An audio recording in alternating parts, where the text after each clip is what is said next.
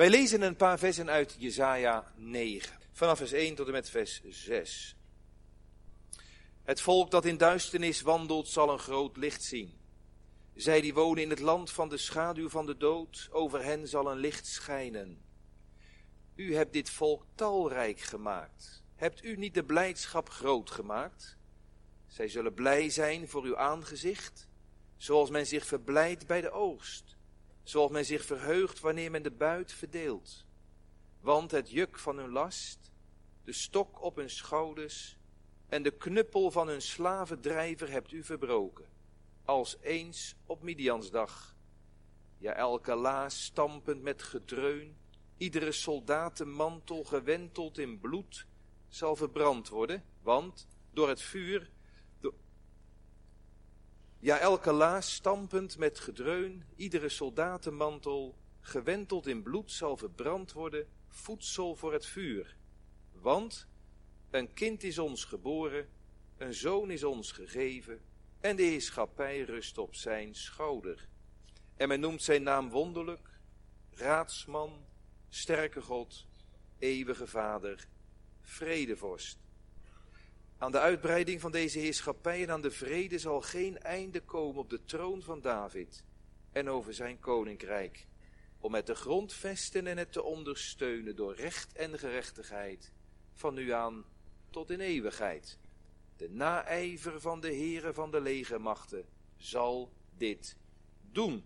Tot zover de schriftlezing. Wij willen op deze eerste kerstdag het kerstevangelie bepreken vanuit Jesaja 9 vers 5. Ik lees die tekst nog een keer. Want een kind is ons geboren, een zoon is ons gegeven en de heerschappij rust op zijn schouder. En men noemt zijn naam wonderlijk, raadsman, sterke God, eeuwige vader, vredevorst. Tot zover. Gemeente, ik zet boven de preek het geboortebericht. Eh, drie gedachten wil ik wat gaan eh, uitwerken. Ten eerste gaan we letten op het, de geboorte van het kind. Er staat in Jesaja 9 vers 5, want een kind is ons geboren, een zoon is ons gegeven.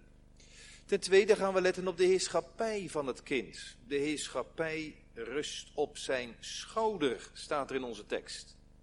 En de derde gedachte is de namen van het kind. Er staat en men noemt zijn naam wonderlijk, raadsman, sterke God, eeuwige vader, vredevorst. Het geboortebericht. De geboorte van het kind, de heerschappij van het kind en de namen van het kind. Nou, laat ik eens beginnen met een uh, voorbeeld voor de kinderen. Ik heb een geboortekaartje gekregen. En dat is eigenlijk een heel bijzonder geboortekaartje. Er staat op, voor degenen die dichtbij zitten, hoera, een zoon. Blauw. En dan doe ik het open. En weet je wat erin staat? Dankbaar en blij geven wij u kennis van de geboorte van Christus, de zaligmaker, roepnaam Jezus. Zoon van God. 25 december, het jaar nul. Bethlehem. We nodigen je uit op 25 december om 10 uur en om 5 uur dit samen met ons te vieren. Van harte welkom. Hervormde kerk, Hardingsveld. Ja. Evangelisatiecommissie. Eigenlijk is dat het zo. De liturgie zie je het ook, kinderen. Geboortekaartje. Als je kan lezen, dan zie je inderdaad net zoiets dergelijks. Dankbaar en blij delen wij u mee dat wij uit Gods vaderhand hebben ontvangen een zoon, Jezus, Jozef en Maria. En dan komt de tekst, Jesaja 9, vers 5. Het is altijd interessant om te kijken naar de naam die je, die je hebt of die je krijgt. Je krijgt een roepnaam. En heel veel kinderen hebben ook doopnamen. Sommige kinderen hebben maar één doopnaam. Andere twee. Ik heb er twee, MM. Sommigen hebben er zelfs drie. En als je een katholieken hebben er soms vier. En als je een koninklijk kind bent, dan heb je er wel vijf. Ik heb eens gekeken naar Willem-Alexander en Maxima, hun oudste kind, Amalia. En die heeft inderdaad vijf doopnamen. Catharina, Amalia, Beatrix, Carmen, Victoria. Vijf namen. En nou vanmorgen in de, in de tekst. Geen koninklijk kind, meer dan dat. Een goddelijk kind. En als ik tel kinderen, dan zie ik dat de Heer Jezus, Emmanuel, hier ook in de tekst vijf namen draagt. Wonderbaar, raadsman, sterke God, vader der eeuwigheid, vredevorst. En je naam zegt iets over wie je bent. De naam, hoe je heet, geeft ook iets aan van wat hij geeft. Als hij heet wonderlijk, dan is hij en dan doet hij en handelt hij ook wonderlijk. En als hij heet raad, dan geeft hij ook raad. Zoals zijn naam is, zo is hij. Jezaja 9 vers 5, dat is een bekende tekst. Vroeger moest je tekst uit je hoofd leren van de zonderschool. En dan was dit een van de oud-testamentische kerstteksten. Nou, er zijn nog heel wat ouderen die hem denk ik uit hun hoofd kennen. Maar als zou ik vragen, wat staat er nou voor en wat staat er nou na? Moet je even kijken in je Bijbel, want dat ken je nou weer niet uit je hoofd. Dat Jezaja 9 vers 4, dat vers ervoor, dat het gaat over uh, een bebloede soldatenmantel. En over een laas die dreunend stapt. Oh, dat is de context. En dat het in vers 6, één vers erna gaat over een heerschappij van vrede, een vrederijk. Oh, wacht. Je moet een tekst altijd lezen in zijn context. Nou, we gaan eens kijken wat dit vers eh, ons wil zeggen. Ik vind het fijn dat kinderen, niet allemaal kennen ze deze tekst uit hun hoofd, denk ik, maar ze zingen er wel van. Ze zingen er, misschien morgen wel bij de, bij de kinderkerst. Want een kind is ons geboren, een zoon gaf God aan ons. En de heerschappij is op zijn schouder. En zijn naam zal zijn, en dan komt het, hè, wonderbare raadsman, sterke God, Emmanuel, God met ons.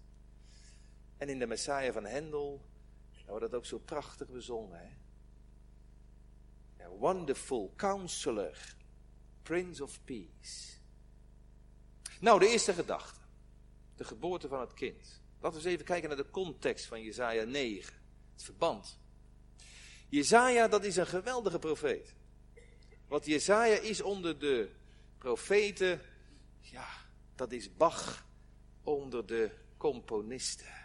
Hij leefde 700 jaar voor de geboorte van de Heer Jezus. Hé, hey, dat is raar. 700 jaar voor de geboorte van de Heer Jezus. En hier horen we al en lezen we al het geboortekaartje. Hoe kan dat nou? De Heer Jezus is nog geen eens geboren. Dat zou nog 700 jaar duren en nu al staat er een geboortebericht van hem. Een kind zal geboren worden over zeven eeuwen. Nee, is geboren. Het is voor Jezaja al zekerder dan zeker dat dat gaat gebeuren. Er is geen twijfel aan voor mogelijk. Met de verrekijker van het geloof zie hij als het ware al die kribben staan. En met een verrekijker kijk je van wat, wat ver af is, dat komt dichterbij. Alsof het al gebeurd is is ons geboren, voordat de geboorte heeft plaatsgevonden. Kaartje al gedrukt. Trouwens, is het ook heel apart eigenlijk, merkwaardig. Als er nou één tekst is, wat wij noemen de Messiaanse tekst, gaat over de Messias. Dan zou je zeggen, Jezaja 9 vers 5, dat komt natuurlijk in het Nieuwe Testament, wordt dat aangehaald. Nou, nee dus. Merkwaardigerwijs komt Jezaja 9 vers 5 geen één keer voor in het Nieuwe Testament. Dat is opvallend. Wat was de tijd waarin Jezaja leefde? Een donkere tijd. Politiek was er veel spanning en veel zorg. Dat Israël, dat Juda. En Juda werd bedreigd door, door, door tien stammenrijk en door de. En vooral door Assyriërs, een opkomend wereldrijk. En daardoor wordt er gesproken over donkerheid en duisternis. Een volk dat in duisternis wandelt, dat leeft in de schaduw van de dood. Een donkere doodswolk, want dat wereldrijk van de Assyriërs, koning Sanherib, die dreigt dat hele Joodse volk te uh, plat te walsen, er overheen te komen, te gaan overheersen. En er was angst, angst. In hoofdstuk 8, vers 22 lezen wij, als je nou naar boven kijkt of naar de aarde kijkt, er zal benauwdheid en duisternis zijn, angst aanjagende donkerheid. Men zal voortgedreven worden het donker in, angst. Angst als je naar voren kijkt, angst als je naar achteren kijkt, angst naast je kijkt, angst als je in je kijkt, angst. Een bange tijd, donkerheid, nacht. U voelt dat het, dat, dat somber is, dat dat dreigend is. Politiek, maar ook geestelijk. In hoofdstuk 8, vers 19 wordt gesproken over mensen die gaan naar, die raadplegen de geesten van doden. Ze gaan naar waarzeggers, occultisten en astrologen. Die overspoelen het land, Juda. Die moeten dan raad en heil geven. Wat een geestelijke duisternis in het land. En dan komt opeens hoofdstuk 9. En dan wordt er gesproken over een licht. Het zal een groot licht zien. En over blijdschap. Blijdschap die je kan vergelijken met het binnenhalen van de oogst. Vers 2. En over een blijdschap die je kan vergelijken met het, met het, met het behalen van, van een overwinning. En van een bevrijding uit de slavernij. En, en, en, en, en van het behalen van een buit. Daar juich je over. Licht, blijdschap, bevrijding, overwinning. Het is allemaal beloofd. En dan vraag je, ja, hoe kan dat dan? En dan komt onze tekst. Want, weet je hoe dat nou kan, zegt Jezaja? Dat kan door de geboorte van dat kind. Het lijkt wel of Jezaja hier gaat jubelen, gaat zingen. Want een kind is ons geboren. De baby van Bethlehem. En hij is licht. En dan komt de wereld in een ander licht te staan als dat licht opgaat. De zoon is ons gegeven. Daar zie je al iets in van de goddelijke en de menselijke natuur. Een kind geboren, een kindje, een babytje en een zoon, Gods zoon, gegeven. De menselijke natuur, de kind, geboren en de goddelijke natuur, een gegeven zoon. Maria baart en God openbaart zichzelf in dat kind. Het zaad van de vrouw. Een reine uit een onreine. Wat nog nooit is voortgekomen sinds de zondeval. Ja, uit de maagd en het kind door de hemelse vader gegeven. Nog iets gemeente wat opvalt. Als je een beetje probeert door te kijken, hè, door, alle, uh, ja, door alles wat, wat we weten en alles wat erbij gekomen is. Wat mij ook opvalt is wat er op dat geboortekaartje staat. Een kind is ons geboren. De engel zegt in het Nieuwe Testament, Gabriel tegen de herders, want u is heden de zaligmaker geboren. Dat is opvallend. Je hebt ouders, die krijgen een kindje, en die sturen dan geboortekaartjes. Welkom op het kraamfeest. Je stuurt geboortekaartjes naar familieleden, kennissen, vrienden, gemeenteleden. En er is een verschil tussen de, de zender en de ontvanger. De ouders zijn de zenders van het kaartje en de ontvanger. En dan staat er op dat kaartje dat er bij ons een broertje of een zusje of een zoon of een dochter geboren is. Bij ons. En jullie krijgen dat te horen. Jullie mogen komen kijken, maar het is ons kind. En dan zegt Gabriel, want niet ons, maar u is geboren. Niet de zender, maar de ontvanger. Dat kind is voor jullie. Het is voor jullie geboren. Het is ook van jullie. Het is voor jullie. Dat is bijzonder. En een zoon is ons gegeven. Dat is de goddelijke kant. Een, een, een gift, een geschenk. Een genadige geschenk van God de Vader. Daar zit liefde achter. Al zo lief dat God gaf. God geeft. Daar zit grote liefde achter en er is ook grote trouw achter. De trouw van God zien we al vanaf de zondeval. Er zal een keer een zaad van de vrouw geboren die de kop van de slang zal vermoorden. Had God beloofd. En Gods belofte wordt nou heerlijk veel. Gods liefde en Gods trouw zit daarachter zoon gegeven. Een geliefde zoon, een enige geboren zoon. Dat woordje ons, dat is bijzonder. Hier zult staan, staat er twee keer. kind is ons geboren, een zoon is ons gegeven. Nou is daar in de loop van de kerkgeschiedenis wel heel wat over gebakkeleid. Wie zijn nou die ons? Nou, letterlijk is dat natuurlijk Israël. Daar kan niet omheen. Maar geestelijk, in de geestelijke toepassing. Nou, nou zijn er heel wat theologen geweest die hebben gezegd, nee, die ons, dat, ja, dat is Gods volk. Dat zijn de mensen van Gods welbehagen. Dat zijn de uitverkorenen. Dat zijn die ons. Of mag je het nou breder trekken? Er wel eens wat kritiek geweest op dat liedje dat Jezus kwam op aarde voor ons allemaal. Is dit nou zo dat God in mensen welbehagen heeft, in alle mensen? Of is het nou zo dat de Heer Jezus geboren is alleen maar voor die mensen van het goddelijk welbehagen? Dat wil zeggen voor de uitverkorenen, voor de gegevenen van de Vader die, die de Zoon gaat kopen met zijn bloed. Dat is een verschil tussen in alle mensen een wel of mensen van het welbehagen. Nou, diezelfde discussie speelt ook hier. Gaat het nou over die ons, die, die, die, die, die groep van Gods kinderen? Of mag je nou zeggen, hij kwam op de aarde voor ons allemaal? Wat denkt u? Wat denkt u? Nou, ik heb eens een mooi citaat gevonden bij Thomas Boston. Een zeer ernstige en een schriftgetrouwe Schotse theoloog. En die zegt het zo.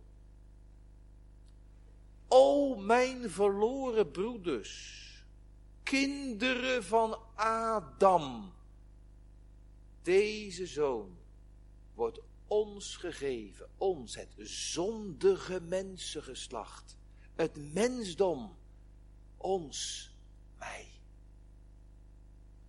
Mooi is dat. Mij. Daar mag je je eigen naam invullen. Niet aan gevallen engelen, maar aan de gevallen mensheid gaf hij zijn zoon. Zoals dat manna van de hemel naar de aarde kwam. En dat manna dat viel op dat, ja, voor iedereen. Of iedereen daar gebruik van maakt geloven, dat is vraag 2. Maar dat manna viel van de hemel op de aarde. En dat was voor iedereen. Mijn vader geeft u dat levende brood. Nou, zo wordt de Heer Jezus de Zoon ook gegeven in de prediking van morgen. Hij wordt aan u gegeven. En dat wordt je gegeven, vind ik zo geweldig. Niet, niet geleend, niet geleend. Dan moet je het weer teruggeven. Je mag het even lenen. Nee, dan moet je het teruggeven. Het wordt gegeven, je krijgt het. Het wordt voorgesteld. We hebben gezongen. Nu heeft hij zijn gerecht zo heilig, zo vlekkeloos en ongeschonden voor het heidendom tentoongesteld. Het wordt voor u uitgestald. Deze Heere Jezus, zaligmaker, heiland. Hij wordt u voorgesteld. Jozef en Maria gingen de tempel in met dat kindje Jezus naar Veter en hij stelde, hij werd voorgesteld in de tempel. Hij wordt voorgesteld in de prediking. Uitgestald. Maar meer. Hij wordt aangeboden aan u in de prediking. Het aanbod van zijn genade. Hij heeft gedacht aan zijn genade en die, die genade wordt u aangeboden. Maar nog meer. Niet alleen voorgesteld, niet alleen aangeboden, alstublieft, maar gegeven. En gegeven, daar zit iets in van, ik kom naar beneden van die kansel, ik ga voor u staan en ik zeg niet alleen wil het hebben, ik leg het in je schoot. En dan ga ik weer terug en dan laat ik het daar liggen. En op het moment dat je opstaat en weer naar buiten gaat, dan doe je wat met dat cadeau. Je laat het liggen of je neemt het mee. Er staat van Naomi in het Oude Testament, een voormoeder van de Heer Jezus. Dan is Rut in verwachting van Boas en dan krijgt ze dat kleintje, Obed. En dan staat er van die grootmoeder Naomi, ze kreeg dat kind op schoot. Wat krijgt u vanmorgen in de preek? U krijgt de Heer Jezus, dat babytje, op schoot. Dan kan je twee dingen doen. Nou kan je je arm om dat kind heen leggen. En je kan het aan je hart drukken. Of je houdt je arm op je rug. En je zegt, neem maar weer mee. Aannemen, dat aangeboden kind. Of verwerpen. Wij zijn uitdelers van de menige genade van God. En uitdelen, dat gaat verder dan aanbieden. Of voorstellen. Of uitstallen. Uitdelen wil zeggen, alsjeblieft, hier. Ik hoef het niet meer terug. Ik geef het gul hier. En op het moment dat je opstaat, doe je er wat mee. Daar is geen neutraliteit wat dat betreft. Nee. Hier. Hij is er voor u. En dan doe je wat met je armen. Je neemt het aan, in dank aanvaarden, of je wijst het af. En je doet wat met je knieën. Je buigt, je knielt, of je blijft rechtop staan. En je doet wat met je mond. Je kust de zoon, of je houdt hem van je af. En je doet wat met je hart. Je geeft je hart, of je houdt je hart voor hem gesloten. Hoe groter het geschenk, hoe groter de liefde van de gever. Maar hoe groter de zonde als hij het afwijst. En hoe groter Gods toorn, Gods boosheid, Gods oordeel over al diegenen die deze gegeven zoon afwijzen. Hij wordt te vondeling gelegd. Ik vind het zo treffend, hè? Even een persoonlijke noot, even een PS van mij. Ik voel me vandaag verbonden met de wereldwijde kerk. Wij mogen in vrijheid het kerstfeest vieren, geboorte van de Heer Jezus. En je weet dat dat in Australië al begonnen is toen wij nog op bed lagen. En, ze gaan er mee beginnen in Amerika als de kerk hier uit is. He, door dat tijdsverschil. Maar overal alle kinderen van God op aarde denken vandaag in het openbaar, in het verborgene. Ook in Noord-Korea, ook in Iran, ook in Pakistan. Ze denken aan de geboorte van hun heiland en zaligmaker. En dat is een heerlijke gedachte. Verbonden met de kerk op alle plaatsen. Deze Christus die verbindt. In hem zijn wij. Maar wat, wat ik ook treffend vind, en dat is voor het eerst dat ik dat eigenlijk eh, me bewust ben, eh, dat is dat ik me ook wel verbonden voel met het Joodse volk. De orthodoxe Joden in de synagoge die lezen elk jaar dezelfde uh, Torah-lezingen. Elk jaar. dan beginnen ze in oktober bij Genesis 1 en dan september van het andere jaar eindigen ze dan met Deuteronomium 34. En dan in oktober weer Genesis 1. En zo tot de hele vijf boeken van Mozes, de Torah. Dus als je in oktober begint bij Genesis, volgens de vaste schrift lezen, dan kom je in 25 december kom je uit bij Exodus 2. Wow. Wij lezen Matthäus 2 en Lucas 2, de geboorte van, het, van de Heer Jezus. Weet je wat in Exodus 2 over gaat? De geboorte van Mozes. Nou, ik zou tegen de kinderen willen vragen, zoek nou eens de overeenkomst tussen Mozes en de Heer Jezus. Mozes in het Oude Testament en Jezus in het Nieuwe Testament. Zoek eens naar de overeenkomsten. Die zijn er heel veel. Wie weet er een? Mozes die werd gelegd in wat voor wiegje? Een biezen. Handje. En de Heer Jezus werd gelegd in een, ook een bijzonder wiegje. Een kribbe. Een bijzonder wiegje. Mozes had godvrezende ouders. Jezus ook. Mozes was, uh, werd verworpen door zijn eigen volk. De Heer Jezus werd verworpen door zijn eigen volk. Toen Mozes geboren was, was daar een vrede koning, Farao, die al die kinderen, inclusief Mozes, wilde doden. Toen Jezus geboren werd, toen was daar een vrede koning Herodes die al die kinderen wilde vermoorden.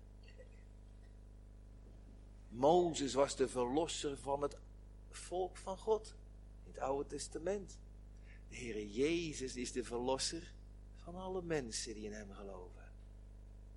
Dan denk je, oh, wat wonderlijk dat dat Joodse volk nou bezig is om te lezen in de synagoge deze week over hun verlosser. En als de Heer nou dat deksel gaat weghalen, dan zullen ze zien dat er eentje is die meer is dan Mozes. De Messias, Jezus Christus echte verlosser. Mag die tijd spoedig aanbreken. Maar wat ik eigenlijk wil zeggen is dit. Mozes werd te vondeling gelegd. Een biezenkistje in de Nijl. Te vondeling gelegd.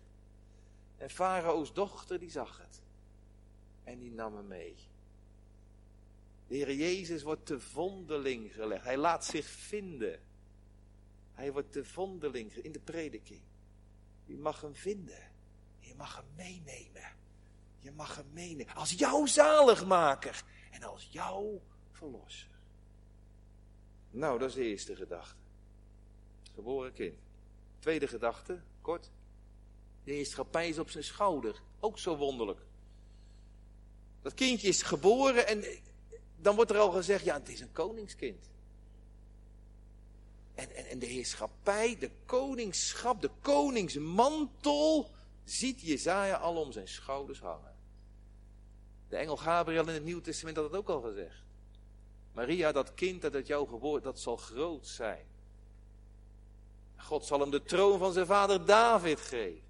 En hij zal koning zijn op het huis van David. Op het huis van Jacob de eeuwigheid.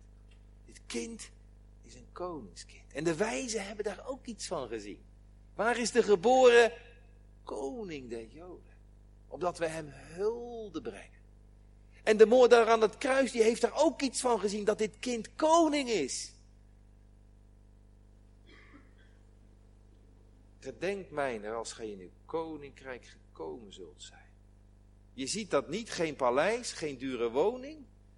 Die vorst is zonder pracht. Kom verwondert u, mensen. Zijn wieg was een kribbe, zijn troon was een kruis. En zijn scepter was een rietstaf. En, en het volk, soldaten die spotten. Het leek er allemaal helemaal niet op. En de kroon was een doornenkroon en zijn kleed een purperen mantel. En op zijn schouders niet de heerschappij, maar een kruisbalk. Het lijkt allemaal zo het tegendeel en toch. En toch. De Heer Jezus lijkt op David. Geboren, gezalfd. Heeft een geweldige overwinning gehaald over Goliath. En dan, dan wordt hij koning. Nee, dan moet hij vluchten. Veracht, gesmaad, jarenlang. Koning Saul achter hem aan. Heeft de overwinning behaald en dan die tijd van vluchten, vernedering. Maar er komt een dag David koning werd. Zo is met de Heer Jezus. Hij is geboren, hij werd de man van smart, een geweldige overwinning behaald. En nu is hij naar de hemel. En hij wordt vervolgd in zijn, in zijn volk. Maar er komt een dag, dan komt hij terug. En dan zal waar worden wat vers 6 zegt. De heerschappij zal dan eindeloos zijn van vrede en recht. nou, deze koning, die staat voor ons, dit koningskind. En die doet een beroep op mij. Buig ik voor hem? Wil ik zijn onderdaan worden of, of niet? Vorst Immanuel. Buig ik voor hem? Aanbid ik hem als koning? Of wil ik niet dat hij koning over mij wordt? Hij is de koning van mijn hart. Derde gedachte, de namen. Mag ik daar nog iets over zeggen? De laatste gedachte. Geboorte van het kind, heerschappij van het kind. En nu de namen van het kind. Eén naam is, is onvoldoende. Daar kan je niet in uitdrukken de volheid van wie hij is. Zoals één evangelie onvoldoende is. Vier evangelie ons vertellen wie hij is. Eén naam is onvoldoende. Hij is zo rijk, zo vol. Vijf heerlijke, fonkelende namen. En daarin zie je iets van zijn grootheid. Eerste naam is wonderlijk. In de Latijnse vertaling staat admirabilis, to admire. Hij is, ja, niet alleen kom, verwondert u je mensen, maar bewonder. Als je iemand bewondert, dan heb je ontzag, dan, dan vereer je hem. De bedoeling. Zijn naam is wonderbaar. In zijn geboorte, God en mens in één natuur, in, in, in wie hij is, in, in, wat, in hoe hij heet, in hoe hij handelt. De Heer Jezus is vooral heel wonderlijk in de weg van bekering die hij met mensen gaat. Dat is geen uh, twaalf in een dozijn. Maar de weg van bekering die hij met ieder mens gaat, die is heel wonderbaarlijk. Dat is, dat is op maat. Dat is op een manier, dat, dat is ondoorgrondelijk, maar hij is wel met je bezig om je te brengen waar hij wil. Wonderlijk in zijn wegen. Wonderlijk, dat is het tegenovergestelde van onmogelijk. Weet je, die namen die geven troost. Niet alleen zo, nou, nou weet ik wat die namen betekent. Nee, die namen geven troost. Wonderlijk, dat is een naam die gaat spreken als het voor jou onmogelijk wordt. Ik was jong, toen had ik er nogal een beetje moed op. Dat ik tot bekering zou komen. En toen werd ik ouder, toen had ik er wat minder moed op. Al die zonden en al die, al die tekorten en al die, al die fouten en al dat, dat ondermaatse. En dan word je nog ouder en denk je, nou wordt het voor mij onmogelijk om ooit nog eens met God verzoend te worden. Dat kan hè, dat kan. Dat je zegt van van mijn kant is het zo onmogelijk. Dan gaat die naam spreken. Zou voor de Heer iets te wonderlijk zijn. Zelfs de elfde uren. Wonderbaar. Om verloren te gaan hoef je niks te doen. Om zalig te worden moet er een wonder gebeuren, zei ze vroeger. Maar dat is waar hoor, dat is waar. Er moet een wonder gebeuren in jouw leven. Ja, er is er al wat gebeurd op Golgotha. Ja, maar dat moet wel toegepast worden in jouw leven. Oh, oh. Vroeger hoorde ik altijd, er moet een wonder gebeuren. Toen, toen kwam ik in de Maranatha-kerk, toen zei ze, ja, maar het is al gebeurd. Het is al gebeurd. Ja, dat is waar. Maar uh, is het nou ook voor jou gebeurd? Het moet toegepast worden. Dat is ook waar.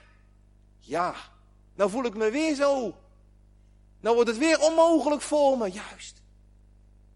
En in die klem gaat die naam wonderlijk. Gaat oplichten. Waar het van mijn kant nou niet meer kan. In de klem, Heere God. Kom alstublieft, want anders gaat het nog mis met me. Wonderlijk in de weg van bekering. Hoe komt hij naar je toe? Wat ga je hem dan bewonderen? Heere, u kwam ook naar mij. Tweede naam, raad. Counselor. Een counselor. Wat is een counselor? Dat is een hulpverlener. Dat woord kennen wij ook nog wel. Een counselor die je nodig hebt. Een counselor is iemand in de hulpverlening die jou helpt als je in de problemen zit, om ze, om, om ze op te lossen. Of als je vragen hebt om die te beantwoorden. Een professional. Of eh, om jouw vaardigheden en je kennis, om die te ontwikkelen. Daar helpt een counselor bij. Zijn naam is counselor. Als je nou ergens advies moet inwinnen, dan ga ik naar. En in het geloofsleven. De Heer Jezus is de beste counselor hoor. Je moet het aan hem vertellen. Hij is degene die knopen ontbindt en die raadsels oplost. De Heer Jezus is meer dan Salomo, die koningin van Sheba, die ging met al haar raadselen naar hem toe en hij loste ze allemaal op. Heer, mag ik naar u toe gaan met mijn, met mijn vragen en met mijn, met mijn zielenraadsels? Kanttekeningen zeggen die in alle nood en angst raad. Is dat. Radeloosheid. Dat voel ik, ik voel me soms radeloos. Nou, er zijn voor de Heere God geen problemen die hij niet kan oplossen. Zijn naam is raadsman. Maak, maak ervan gebruik. Maak ervan gebruik. Je moest zijn raad niet in de wind slaan, maar maak ervan gebruik. Derde is sterke God. Sterke God. Hier zie je weer iets van die goddelijke natuur. Sterke God. Luther vertaalt met de Godheld. Ik een mooie vertaling. El Gibor. De, de God die geweldig machtig is. De Godheld. In die naam Raad zien we de wijsheid van God. En in die sterke God zien we iets van de macht van God. De Heer Jezus is zowel de wijsheid als de kracht van God. Allebei. We zien ze in die namen terug. De Godheld. Het hulpeloze kind is een sterke God. En bij de sterke God moet ik denken in het Oude Testament aan Simson. Dat was ook zo'n dat was een sterke man. Met, met die poorten van Gaza op zijn schouders. En, en zo, zo, zo, zo neemt hij de gevangenis gevangen. Zo is de Heer Jezus met de, met de zonde op zijn rug. En hij is zo sterk dat hij het overwint. En die de dood overwint en de ziekte en, en de storm kan bedaren. En, en, en, en zelfs tranen kan drogen. En, en de duivel verslaat. Sterke God. Staat een sterke held terzij. Vierde, eeuwige vader. Dat, dat is de moeilijkste. Eeuwige vader. Wat zou dat betekenen, denkt u? Eeuwige vader. Vader der eeuwigheid. Een paar verklaringen. De eerste is de oude Griekse vertaling, die ook de discipel al kende. Uh, die heeft vader van de toekomstige eeuw. Vader van de toekomstige. Met andere woorden, hij is, de, de, de, de, de, hij is degene die, die, die, die de Messiaanse eeuw, de eeuw die komt, de toekomstige eeuw, toekomstige tijdperk, daar zal hij de, de vader zijn van zijn volk. Hij zal vaderlijk koning zijn over zijn volk.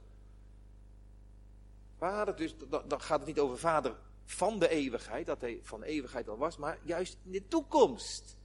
Dat hij daar de belangrijkste zal zijn als hij terugkomt. Dan zal hij als koning regeren en dan zal hij vaderlijk zijn. Zoals je een burgemeester hebt en de burgemeester wordt wel eens genoemd een burgervader. Die heeft iets vaderlijk, die is er voor al degenen in zijn stad of in zijn dorp. En hij wil als het ware niet alleen maar juridisch, maar hij wil een vaderlijk figuur zijn. Zo is deze Messias, de Heer Jezus, als het ware als een koning, vader voor zijn volk. Nu al en straks. Dat is een mooie verklaring. Er is ook nog een andere verklaring, die vind ik ook mooi. Vader der eeuwigheid, dat heeft te maken met Oosters taalgebruik. Als iemand heel erg uh, mild is, of heel erg trouw is, dan zeggen ze in het oosten, hij, hij is de vader der mildheid. Of hij is de vader der trouw. Nou, nou wordt hier de Heer Jezus genoemd de vader van de eeuwigheid. Met andere woorden, alles wat hij doet, hoe hij handelt, daar zit het stempel van de eeuwigheid op. In die richting denken de kanttekeningen. Die zelf van eeuwigheid is en ons eeuwig leven geeft. Alles wat hij doet en wat hij is, dat is eeuwig. De vader der eeuwigheid. Hij, hij heeft eeuwige liefde. Hij heeft eeuwige trouw. Hij geeft de zijne eeuwig leven. Wij mogen voor in alle eeuwigheid bij hem zijn. Een eeuwig koninkrijk. Nou, het laatste, daar ga ik mee eindigen. Dat is de mooiste. Prince of Peace. Vrede, vorst. De grote Shalom, Mo. Salomo, Shalom. Dat is de mooiste. Peace. Irene, Irene. Pacem, vrede. Een kind die zoon is, die koning is, die vredevorst is.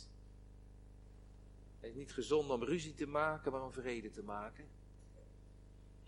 Om vrede te stichten. De verbinding was verbroken tussen God en mijn hart. Het contact was verstoord tussen God en mijn hart, tussen God en de mens, tussen de mens en de mens. En nou is de Heer Jezus gekomen als de vredemaker. Daar hebben de engelen van gezongen. Vrede op aarde. Dat was het niet. Dat was het niet, maar hij kwam het om het te maken. Hoe dan? Ja, daarvoor moest dat kindje nou groot worden. Dat babytje is niet babytje gebleven, dat moest groot worden. En hoe groter het werd, hoe meer zijn doel nabij kwam. Vrede maken door het bloed van het kruis. En toen? Toen is de Heer Jezus gestorven. En toen is hij opgestaan. En weet je wat hij toen ging doen? Toen ging hij die vrede die hij gemaakt heeft, die ging hij uitdelen. Want het eerste wat Jezus zei toen hij opgestaan was uit de dood was, vrede geef ik u. Hij gaat het eerst verwerven, verdienen, hij gaat het eerst uh, maken en dan gaat hij het uitdelen in de opstanding. Vrede met God. Wat is vrede? Vrede, zei vroeger de dominee waar ik als kleine jongen bij was. Ik hoor, dat zei hij vaak, dus ik heb het onthouden. Hij zei, echte vrede, dat is niet alleen afwezigheid van oorlog, maar dat is aanwezigheid van God. Echte vrede, shalom, dat is heelheid, dat is heil, dat is voorspoed, dat is welzijn, dat is zegen, dat is niet alleen afwezigheid van oorlog, maar aanwezigheid van God. En waar hij is, waar dat kind is, op vrede. Paulus jubelt het uit als tolk van zijn volk. Als tolk van al Gods kinderen. Hij zegt, hij is onze vrede. En dan kan je in vrede leven. En als je dan oud geworden bent, net zoals die oude Simeon, En dan heb je dat kindje zo. Ja, dat kind is er ook voor u. Het werd voorgesteld in de tempel. Het werd zelfs Simeon aangeboden. Het werd aan hem gegeven en hij nam het over. In dank aanvaard. En hij hield het, hij hield het naar de hemel. Nu laat gij, heren, uw dienaar gaan in vrede. Want mijn ogen hebben in dat kind uw zaligheid gezien. Zullen grote dingen dus gebeuren. Door die ene kleine die hier geboren wordt. Vredevorst. En dan denk ik nog even aan vers 4. Net dat vers wat er vooraf gaat. Er wordt gesproken over een bebloede soldatenmantel. En over een blaas die dreunend stapt en die verstomt. Waarom? Omdat de vredevorst geboren is. Ja, maar ik zie nog niet dat het vrede is op aarde. Nee, dat klopt. Want vers 6 zegt, dat rijk moet nog komen. Als hij terugkomt. Maar dat kind, de vorst, is al geboren. Als de vredevorst geboren wordt, gaat hij die vrede door zijn bloed bewerken. En dan gaat hij naar de hemel en dan komt hij straks komt hij terug. En dan gaat vers 6 in vervulling. Aan de uitbreiding van de heerschappij en aan deze vrede zal geen einde komen als hij op de troon van David zal zitten. Dan gaan de woorden van Gabriel ten volle in vervulling. Nu zit de Heer Jezus niet op de troon van David. Dat heeft hij trouwens nooit gezeten ook. Nu zit de Heer Jezus op de troon van God in de hemel. Als hij terugkomt, zal hij gaan zitten op de troon van David. Die staat in Jeruzalem. Die staat in Jeruzalem. Die staat op deze aarde in te midden van Israël. Dan zal zijn shalom wereldwijd worden. Vers 5 de vredevorst. Vers 6 het vrederijk. Wat hij zal stichten als hij terugkomt. En daar zien wij naar uit. Nicolaas Beets heeft ervan gezongen, wij gaan het nu zingen. Wat heil een kind is ons geboren, een zoon gegeven door zijn kracht. De heerschappij zal hem behoren, zijn last is licht en zijn juk is zacht. Zijn naam is wonderbaar, zijn daden zijn wonderen van gena alleen. Hij doet ons, o, hoe met schuld beladen, verzoend voor het oog des vaders tree. Amen.